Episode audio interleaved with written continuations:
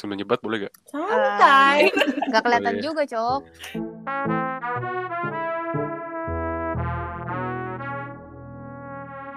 Halo, selamat datang di podcastnya Trisos. Gue hampir mau ngomong Hai. Tripotter, anjing band gue.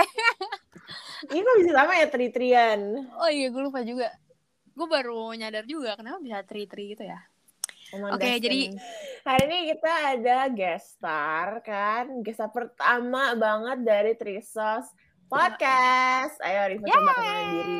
Ya halo, halo semuanya. Sebelumnya untuk Adel, Kelvin dan eh, NP udah makasih udah mau undang jadi gestar pertama nih di Trisos ini ya. Ya kita yang makasih, Vo. Gila lu. Iya dong. Bener-bener suatu Mana? kehormatan buat gue untuk membahas topik yang istilahnya nggak apa ya kita topiknya pasti semua orang udah pernah ngalamin gitu. Jadi gue bener-bener Iya. tertarik untuk ngomongin ini gitu. Hmm. Iya. Gue gak yakin, tapi kalau kalian pernah ngalamin sih. Gue Pernah gak sih, Kel? Iya. Enggak Kayak dia pernah nggak sih? Tapi gak toxic gitu loh, kayak Tapi nggak kayak serius gitu loh. Oh, it was Kayak, just a Iya. bad breakup aja gitu ya. Iya. Hmm, oke oke oke. Tapi belum ada toxic kayak nggak apa-apa kayak lu menyimak. Jadi kalau lu mengalami jadi lu langsung tahu gitu. Gue Tapi ada. Amit-amit ya anjir, amit-amit. Amit-amit. Berarti kalian bisa ngejelasin apa itu healthy relationship karena dia kayak berpengalaman di Healthy situ. terus ya maksudnya ya di situ di Iya. Iya, pengalamannya. puji Tuhan ya. ya kalau misalnya menurut gue healthy relationship dari pengalaman gue sendiri, ya sebenarnya nggak gitu rumit ya menurut gue. As, eh, as long dua pihak bisa respect each other's boundaries, bisa communicate their feelings well enough, dan kayak sebenarnya yang penting tuh lo di pasangan tuh bisa ngobrolnya berdua bukan kayak terima pendapat orang lain tuh dari luar dengan sembarangan gitu loh. gue kira ngomong sendiri kayak orang gila gitu. Aduh, ya gue. Enggak, jadi kayak pokoknya lu benar-benar mendengarkan each others punya pendapat aja kalau memang kalau Oh. perlu pendapat orang lain kalau emang udah mentok atau kayak udah selesai. Jadi kayak bener you guys are in the relationship bareng-bareng dan jalankan ups and downs, know each others punya personality well, very well gitu sih menurut gue. Terus kalau lagi berantem gimana dong? kalau lagi berantem ya ber- ributnya berdua berdua aja gak sih menurut gue sih daripada kayak lu dengerin orang lain terus kayak padahal dari cerita dari pasangan lu tuh gak nggak sama yang dari point of view lu gitu loh Oh, ya bener. jadi kayak iya gitu sih Biasanya Gitu healthy sih. relationship tuh berantemnya berapa lama sih? kalau gue kayak gue nggak mau nggak mau apa melabelkan kalau lo. gue ya Kalau lo, kalau lo. kalau gue ya kalau bisa sebelum ter- matahari terbenam Wow. Very poetic. before before the day change gak before- sebelum lu tidur sebelum sebelum lu tidur tuh at least lu harus udah kayak Hmm. talk it out sih menurut gue itu one of the key So never sleep feeling Setuju. sad gitu ya. betul Hmm. Nggak salah, nggak salah. iya kalau ada menurut lu gimana kalau sih toxic nih Kalau menurut gue pribadi, menurut pengalaman gue sendiri, it's when you're starting to feel kayak you're emotionally tired gitu loh. When it felt kayak apa namanya, you're starting to give more than what you take gitu loh. Jadi um, ya nggak balance gitu everything. Kalau kalau kata Kelin kan in this apa kalau kata Kelin kan healthy itu kan is where you hear both of opinions gitu kan and then you deal with your problem together. In this case itu kayak um, toxic itu you just don't listen to each other anymore gitu loh. Dan lu malah kayak maksain keadaan gitu lah ibaratnya. Mhm. Not good. It's very not jadi good. kayak egois lah ya Hmm, egois. Itu Hmm. egois tuh bener-bener. Pokoknya itu buruk banget lah. And it's very bad for your kayak your mental health juga gitu loh. Tuh. Karena exhausting banget gitu. Kalau kalau tadi kan NP nanya kan kalau berantem tuh berapa lama. Kalau toxic tuh mungkin berantemnya nggak ada ujungnya kali ya. Kalau gue sih Hmm. kalau Hmm. dulu ya gue tuh pernah ngalamin di mana eh gue tuh berantem tuh almost every day kayak literally every day itu NP tahu tuh Mhm. literally almost every day dan itu benar-benar yang kayak emotionally tired gila pak kalau Kelin bilang healthy itu is where sebelum tidur kita udah harus ngerasain Iya. um, si apa perasaan apa masalahnya kelar gitu kan kalau toxic Betul. tuh enggak lu tidur lu tidur tapi besokannya it will start again kayak Mhm. emosi tuh nggak pernah habis gitu loh that's very betul bad betul Iya benar-benar. tuh Kebetulan waktu itu kita sama-sama ya ada di Oh, toxic relationship. iya betul si Jadi- Kelly si Kelly lagi di fase-fase PDKT PDKT gue sama NP aduh Dia ya, dia PDKT bener. Dia belum pacaran gue waktu gue belum PDKT bahkan Gua Oh iya, kayak masih suka-suka ya ya face Oh iya benar-benar. Iya. Jadi kita Ah. pengalamannya tuh kayak sama banget. Kayak hampir 11 12 sama semua anjing. 11. 12 Masalah-masalahnya gitu. iya bener hampir semua hampir semua masalahnya sama Iya buat kayak kalau misalnya di grup gitu gue cuman kayak oh ya. oh, iya, iya, iya. Kalau buat Rivo sendiri gimana nih? Have you ever been in a toxic relationship? Uh, of course. Uh, I mean, kayak kata tadi gue, sebagian orang meskipun kayak Kelin belum pernah, tapi gue yakin, gue yakin banget kebanyakan orang tuh udah pernah dan gue salah satunya. Oh. Uh, gue boleh lah ya sharing-sharing cerita gue nih yang dulu-dulu. Menurut gue toxic relationship di gue itu di saat lu nggak lu nggak salah, tapi lu ngerasa lu salah gitu.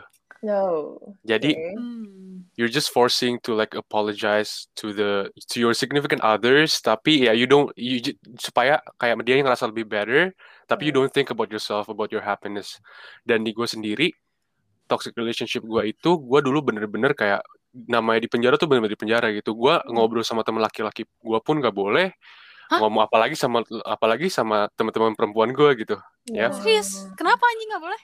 Sama temen karena menurut dia cuman she wants me for all of her gitu loh.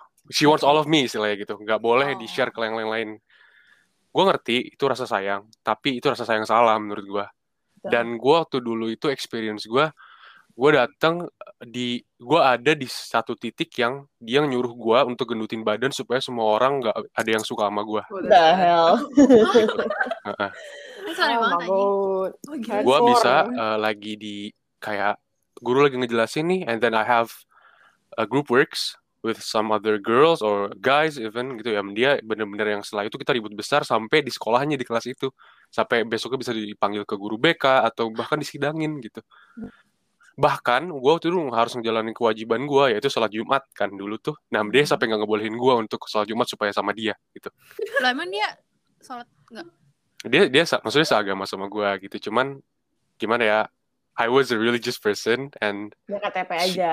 I- ya maksudnya gimana ya gue dulu sering ibadah segala macam dan dia ngelarang gue untuk itu supaya Mhm. 24/7 with her Gila sih. and I realize dulu gue ngeliatnya itu sesuatu yang apa ya ngebahagiain gue dan itu rasa sayangnya dia jadi gue kayak I- I'll go with the flow I ya udah Hmm. tapi ya namanya penyesalan kan datang di akhir nah dan akhirnya dia selalu ngelarang gue gini gitu gini gitu. Eh ujung-ujungnya dia yang suka sama orang lain gitu. Iya anjir, itu benar-benar udah toxic brengsek banget udah lagi. toxic dan, itu depan gua terang-terangan. Jadi kayak misalnya gua dulu tuh eh, tempat duduk kelas gua itu letter U gitu. Jadi kayak gini gitu kan. Eh bukan nggak bisa lihat Iya, istilahnya ngerti. letter U gitu. Nanti kita kasih lihat gambarnya. Mm, dan si cowoknya ini tuh di ujung di istilahnya berse- ber- berhadapan agak jauh. Dan gue selalu duduk sebelah dia. Dan depan dia tuh dia bisa kayak ngeliatin dia senyum gitu. Eh, bla bla bla. Day daydreaming you know like daydreaming Anjay, someone else. Aduh. jadi kayak gue di situ tapi gue ngerasa gue nggak di situ gitu. Intinya gue di intinya gue eh, ngerasa gak, eh, di saat itu bahagia yang gak valid dan semua feelings gue invalid Asik. gitu. Bahagia nggak Nice. Nice, nice experience ya. Nice experience, anjing. Gak ada yang mau ngalamin kayak gitu ya. nggak ada yang mau pastinya Gila sih. Iya. Lo, oke. At least you know untuk tidak mencari hubungan kayak gitu lagi dong. Mm-mm. Menghindari aja terus. Iya sekarang kalau misalnya diinget-inget I just took the lesson gitu I just Hmm. remember the good things kayak oh I I I, can get rid of her dan sekarang ya udah I'm, I'm here right now gitu Was it no reason to look back gitu was it hard for you to get out of that relationship gitu? How Of long did it it's hard. last? of course it's hard it, it was two years two years Oh, relationship sih. Hah? Oh. Anjir lama banget. Udah lape, memang lape toxic tuh. yeah it was hard of course it was hard kayak even though uh, it it hurts you tapi you love them jadi kayak like like everyone said love blinds you gitu jadi itu Hmm. beneran gitu That is very true. gitu Jadi everything you do for the sake of love doang jadinya. Mhm, bener So, okay. Terus kayak, do you think to- toxic relationship has an end? Kayak eventually you can work it out gak? Kalau misalkan dia gak suka sama cowok lain ya case-nya. Mhm. itu dia nih ini satu hal yang paling penting yang gue pelajarin menurut gue kebahagiaan itu cuma buat orang-orang yang berani oke Mhm. Eh, di saat lu pengen apa get off your out get out of your comfort zone lu harus berani untuk jadi ya untuk menyesuaikan harus ngadap gitu. Misalnya lu pengen experience skydiving lah lu harus berani skydiving gitu loh. Dengan dari situ lu baru bisa ngerasain joy-nya. Nah itu dia kenapa menurut gua ke- eh, kebahagiaan itu untuk orang berani di masalah toxic relationship ini ya lu harus berani dari keluar keluar dari hubungan itu. Hmm. jadi kalau misalnya ditanya a toxic relationship itu punya end gak sih? Ujung-ujungnya bakal end deh karena eh, kalau misalnya saling sayang, ya nggak nyakitin cinta itu nggak nyakitin gitu loh. Jadi mau gak mau, kalau misalnya lu mau keluar dari hubungan itu lu harus berani. Lu mau bahagia lu harus berani. Betul. Intinya berani aja gitu. Tapi kan ada orang yang stay karena mereka pikir I cannot find someone someone like her atau atau him gitu. Mhm. Ya, jadi kayak Hmm. in- istilahnya nobody ever loves me like her kalau gue di kosis gue nobody e- has ever loved me like her tapi nobody ever hurt me like her juga gitu Oke. jadi kalau misalnya tuh N pasti ada N nya jujur eh, buktinya gue udah nggak sama yang Lia karena udah berakhir gitu jadi Mhm. menurut gue toxic relationship lama-lama pasti bisa berakhir gitu Once lu sadar aja gitu kan. iya waktu sadar aja gitu oh gila bego banget gue gitu ya kenapa Iya, masih di sini gitu Aha. Iya ya. Mm-mm, gitu Terus kok gimana ya? Em, kok bisa gitu sampai 2 tahun? Hmm, okay that's really interesting uh, because gimana ya? Uh, I talk a lot with Adele juga about how I see uh, girls gitu in my eyes gitu. Every time I'm in a relationship, I always see them as my one gitu. Lihat itu benar-benar legit as my one gitu kayak Hmm. gue ngelihat my future with them gitu. Jadi gue nggak pernah kepikiran, oh uh, gue bakal ini cuma buat main-main doang untuk sementara doang. Gue nggak pernah mikir begitu. Jadi kenapa bisa dua tahun? Karena gue serius itu aja sih kuncinya kata kuncinya gue serius sama dia. Gue Itu pengen ngejalanin ini gitu Lu masih SMA lu. masih SMA itu dia sampai gimana ya udah buta banget namanya kayak gue udah plan gue mau ngapain segala macam segala macam and pada Anjir. akhirnya ya pada akhirnya dia juga ngerasain gitu maksudnya gini loh toxic relationship kan bukan dari awal langsung toxic gitu pasti ada bahagia Hmm. bahagia bahagianya gitu loh dan selama setahun gue sama dia ya gue cuma ngerasain bahagia gitu loh kayak seneng segala macam dan kayak itu dia bener-bener apa ya bener-bener kayak gue gitu loh jadi gue ngerasa aduh gila nih dia ngerti gue banget nih Hmm. tapi setelah akhirnya kita pindah sekolah udah lama gak ketemu dia balik lagi ke sekolah gue dan tujuan dia balik ke sekolah gue lagi itu untuk nyari cowok lain nah Hmm. dari situ gue belum belum sadar itu kan jadi Itu aneh. Ya itu dia kayak gue gue gue kenapa bisa dua tahun ini? Karena gue mikir ah dia tuh sebenarnya nggak kayak begini. Tahu nggak sih? Gue bakal ngasih dia kesempatan. Gue bakal ngasih dia kesempatan gue tahu dia bisa berubah. Dia tuh nggak kayak gini orangnya. Gue selalu percaya itu gitu. Gue selalu percaya dia nggak kayak gini orangnya. Dia nggak jahat. Mungkin dia lagi kenapa jadi dia begini. Jadi selalu eh, memaklumkan dan menge- mengerti setiap situasi sama dia gitu loh. Jadi ya itu dia. Jadinya lama gitu. Meskipun itu nyakitin gue gue ngerasa ya udahlah nggak apa-apa gue sakit. Yang penting dia bahagia gitu Iya. sampai gila. pada akhirnya itu juga padahal dia udah pernah ngomong gini kita ribut gede di sekolah dia ngomong eh lu tau gak sih jing gue tuh cuma suka sama lu karena duit lo gitu. Dia ngomong gitu ke gue What the hell? dia ngomong gitu ke gue dan dari situ gue belum sampai putusin dia. Gue nangis memang nangis. bukan yang nangis kejar-kejar cuman kayak ah nangis Sedih banget gitu. Kayak, kayak aduh sedih banget. Dan akhirnya dia keluar mobil gue dia dia banting mobil eh, dia dia, dia dan banting pintunya.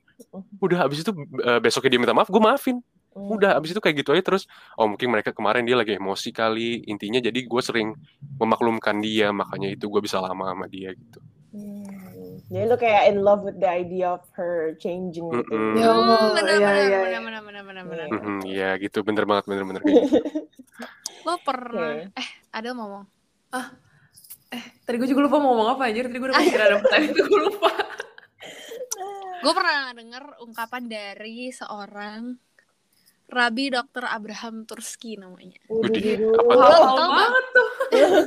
gue lagi abis Google. Oke. Eh, lu pernah dengar tentang fish love gak? Kenapa? Fish love. Apa tuh belum? Nanti mungkin gue bakal kasih lihat video apa gue kasih lihat aja bentar ya. Gue share screen ya. Love is a word that in our culture has almost lost its meaning. Uh, there's a very interesting story about the Rebbe of Kotsk, who came across a young man who was clearly enjoying a, a dish of fish that he was eating. And he said, uh, Young man, why are you eating that fish? And the young man says, Because I love fish. He says, Oh, you love the fish? That's why you took it out of the water and killed it and boiled it. He said, Don't tell me you love the fish. You love yourself. And because the fish tastes good to you, therefore you took it out of the water and killed it and boiled it. So much of what is love, right, is fish love. Right? And so young couple falls in love. Young man and young woman fall in love. What does that mean? That means that he saw in this woman someone who he felt could provide him with all of his physical and emotional needs. And she saw in this man somebody she feels that she can write. That was love, right? But each one is looking out for their own needs. Right? It's not love for the other. The other person becomes a vehicle for, for my gratification. Too much of what is called love is fish love. Right? An external love is not on what I'm going to get, but what I'm going to give. We had an ethicist, Rabbi Dessler, who said the people make a serious mistake in thinking that you give to those whom you love. And the answer is, the real answer is, you love those to whom you give. Right? And his point is, if I give something to you, I've invested myself in you. Right? And since self love is a given, everybody loves themselves. Now that part of me has become in you, right, there's part of me in you that I love. Right? So true love is a love of giving, not a love of receiving. Gitu aja guys. Nice. Benar sih. Benar. Gimana menurut lo? Iya kan? Bener kayak once lu once lu pacaran sih bener banget yang dia ngomong kayak investing in Hmm. someone you love itu gue setuju banget. Iya. Kayak lu invest your time, invest your feelings emotionally dan semuanya kan bener you have to choose the right person to spend that time gitu loh. Hmm, betul. Iya, jadi kayak ya bener banget kalau misalnya mau cari pasangan tuh bener harus yang kayak kalau lu mulai kayak serius tadi it's a very good thing tapi kayak salah orang aja gitu kan. Bener. Iya, itu bener banget. iya, sih. I think that's how you break your heart juga, you know. Kayak by having that vision gitu. Terus at the end of the day, kayak it didn't happen itu kayak it's an extra breaking gitu loh. Ngerti gak Iya, sih? iya. Bener itu you, you expect that much because you really Iya. know that she's the person, Mhm. tapi it turns out she's she's not. Gitu. Jadi Mhm. expectation lu yang nge- ngebunuh lu gitu loh. Iya, benar-benar. Yang Hmm. lebih lebih neken lagi gitu. Mm, Bener. Oke, let's talk about red flags ya. In kayak Oke. how would you guys know kayak this one itu it's going to be a toxic relationship itu gimana? What are the what are the negative traits gitu menurut kalian? Dari lu dulu deh. Kalau Nah, kalau gue there's too much, there's too much. Jadi you guys saya dulu dah. kayak NP, NP, NP. Gue mungkin kalau gue pastinya kalau eh, cowoknya posesif. Karena temen gue cowok semua. Apalagi gue main musik kayak bergaul bergaulnya nggak sama itu itu aja dan belum tentu cowok gue kenal semua teman-teman gue kan. Mhm. biasanya kan kalau gue main sama cowok-cowok yang pacar gue nggak kenal itu lebih cemburu kan Hmm. Mhm. nah jadi gue nggak suka aja kalau dicemburuin apalagi cuma karena dia nggak kenal orangnya atau cuma karena dia cowok padahal gue lebih lama temenan sama teman-teman gue Hmm. ini daripada pacaran sama dia Bener, Oh. bener. Gak Kalau Rivo, Eh, kalau gue sih itu di saat lu udah ngerasa lu nggak salah, tapi lu ngerasa salah. Kalau gue dari situ udah Hmm. kayak itu udah tanda-tanda dan di saat dia bilang kan ada ya di relationship yang mereka mancing-mancing kita, oke gua aku mau putus misalnya, hmm, cuman buat mancing doang. betul. Nah itu gue udah nggak gue nggak bisa terima sih. Once you said it ya udah iya ya benar-benar nggak lu nggak Nah. boleh mancing gue dengan cara itu gitu loh. Lu kalau Iya. misalnya eh, if you said it and you want it gitu, itu yang gue lihat. Jadi gue lu nggak karena lu mau ngetes apa lagi sih? Gue kurang apa lagi? Apalagi yang lu harus tes gitu loh. Gue udah saling percaya lu nggak perlu ngetes gue dengan cara lu mau pergi tapi pe- dengan pengen jawaban. Dia jadi berharap gue memohon gitu. itu gue paling nggak suka kayak gitu. Ah, iya, iya, iya, benar. Itu nggak mau. Itu dari ya jadi red flag gue itu- red flag gue dari situ sih. Kalau menurut gue, red flags itu kalau um, lu curhat gitu kan, lu pour out all your feelings to this person, terus tiba-tiba kayak bukannya kasih solusi, bukannya kasih nasihat yang benar dan mengerti situasi kita dan perasaan kita, lu malah mojokin kita gitu kayak ya lu gini, lu Oh. gitu, lu gitu ya. I know mungkin in some problems gue bisa salah, tapi kayak nanti dulu lah lu ngertiin Iya, perasaan gue dulu benar. atau Hmm. kayak nenangin hati gue dulu aja the, the, the maksud gue untuk ngomong sama lu kan untuk kayak ya biar gue lega aja dulu gitu loh tapi kalau misalnya Hmm. udah kayak oh lu sih gini gini selalu juga kali kayak nah come on gitu bener bener Kayak bener. gitu. Iya, kalau ada benar. gimana nih Kalau gue sih ini, kalau gue sih suka marah-marah ya. I don't know why, I just really hate people yang kayak suka marah-marah gitu loh. Every little thing disulut, tersulut emosinya gitu. Little Soalnya thing tuh kayak gimana? little thing tuh kayak gimana ya? Misalnya gini nih, gue tuh pernah nih telepon kan. Terus um, I got nothing to say. Kayak gue tuh memang orang kayak gitu. Kayak I rather ya nggak ngomong apa-apa gitu. Yang penting kayak we- I can just be together with this person gitu kan. Tapi uh, turns out um, the last one ini kayak they he had different tujuan gitu lah, baik tujuan itu apa different intention gitu. Jadi Mhm. di saat kita lagi diem-dieman gitu, dia bisa marah ke gue kayak kenapa sih lo nggak bisa come up with anything gitu loh? Kenapa lo nggak bisa siapin aja topik atau apa gitu? Terus- Siapin topik. Kayak podcast aja. Nih. Gak bohong, gue gak bohong, gue dia pernah ngomong gitu. Karena turns out itu gue tuh dikenal di materi itu kayak dikenal sebagai Adil ini charming, terus kayak topiknya tuh nggak pernah apa kayak selalu muncul lah apa pun itu dari mulut gue Hmm. gitu kan. Nah, terus turns out tapi lama-lama kan gue gue nyaman gue decided buat kayak pengennya diem-diem aja gitu kan. Ternyata dia nggak suka itu dan dia kayak marah-marah gitu. So banyak lah yang marah-marahin itu gue bener-bener menurut gue tuh red flags banget. Karena I don't like guys yang suka marah-marah ya lu salah disalah salahin mulu gitu terus enggak nanti nantinya segini loh kalau misalnya he tries to do something terus guanya yang nggak ngapa-ngapain itu gue bisa terima dimarahin gitu loh tapi ini orang juga nggak ngapa-ngapain gitu lah anjing Hmm, betul betul betul gua. ya kecuali kayak dia udah pull all, all his effort Yes, gitu kan gitu loh. If, if you don't put any effort, don't blame me gitu loh. Kayak Iya, jangan maksa gua do buat. so. Iya. Iya. Dari Kellen kenapa untuk em, orang-orang yang lagi ada di toxic relationship. Uh, simple, don't waste your fucking time. Gitu dong kayak gue. Kayak lo bisa uh, put all that effort lo yang di relationship toxic itu bisa untuk someone who deserves it. Ya, Kayak don't bother to stay lah. Mungkin it would be hard to get out of it, tapi kayak Hmm. Ya for the sake of you yourself kayak gak apa-apa deh gue bentar aja gitu lo mikirin diri sendiri and, and your mental health gitu jadi itu sih menurut gue Kalau ada Hmm, kalau gue tuh know your worth and value aja sih. Iya dong. Karena Berapa juta? Berapa juta sih? karena by putting yourself in a toxic relationship itu that means lu ngelihat diri lu tuh sebagai individu yang sangat sangat sangat rendah karena lu diinjek-injek sama your significant other gitu. Hmm. Itu kalau gue. Kalau lu pe, Lama nih gue mikirnya. ayo Rivo dulu deh. Ya kita dulu deh gitu Rivo bintang tamu kan, harus terakhir dong. Sebenarnya tadi udah bilang Kellen lagi don't waste your fucking time. Tapi gimana nih? Boleh sama gak sih? ya ya? sama kayak Alin Gimana dong? Ya udah deh Rivo dulu. Taruh. Oke, kalau kalau tips dari gue, gue udah sempat mention tadi, lu kalau mau bahagia lu berani. Ya udah lu berani tinggalin eh, orang yang lu sayang, yang lu sayang ini, yang lu percaya dia sayang balik sama lu ini, dan percaya sama gue. Kalau lu mikir, karena gue pernah di posisi ini, kalau lu mikir, aduh, ntar ada ya gaya yang bisa sayang gue kayak dia atau yang bisa nge-treat gue sebaik dia, itu pasti ada. Itu bacotan doang. Kalau misalnya lu bilang orang lain bilang gak ada yang bisa kayak gituin lu, itu bacot banget. Gue udah pernah ngerasain ini dan gue udah di titik sekarang ini dan gue ngerasain, oh ternyata ada ya orang lain yang bisa nge-treat gue lebih baik dan gue lebih dihargai dan dikasih komunikasi gitu. Dan di toxic relationship itu biasanya lu ngomong dikit salah, lu ngomong dikit salah dan gak ada komunikasi gitu. Iya kan? Dan dan satu salah satu hubungan yang healthy juga komunikasi itu.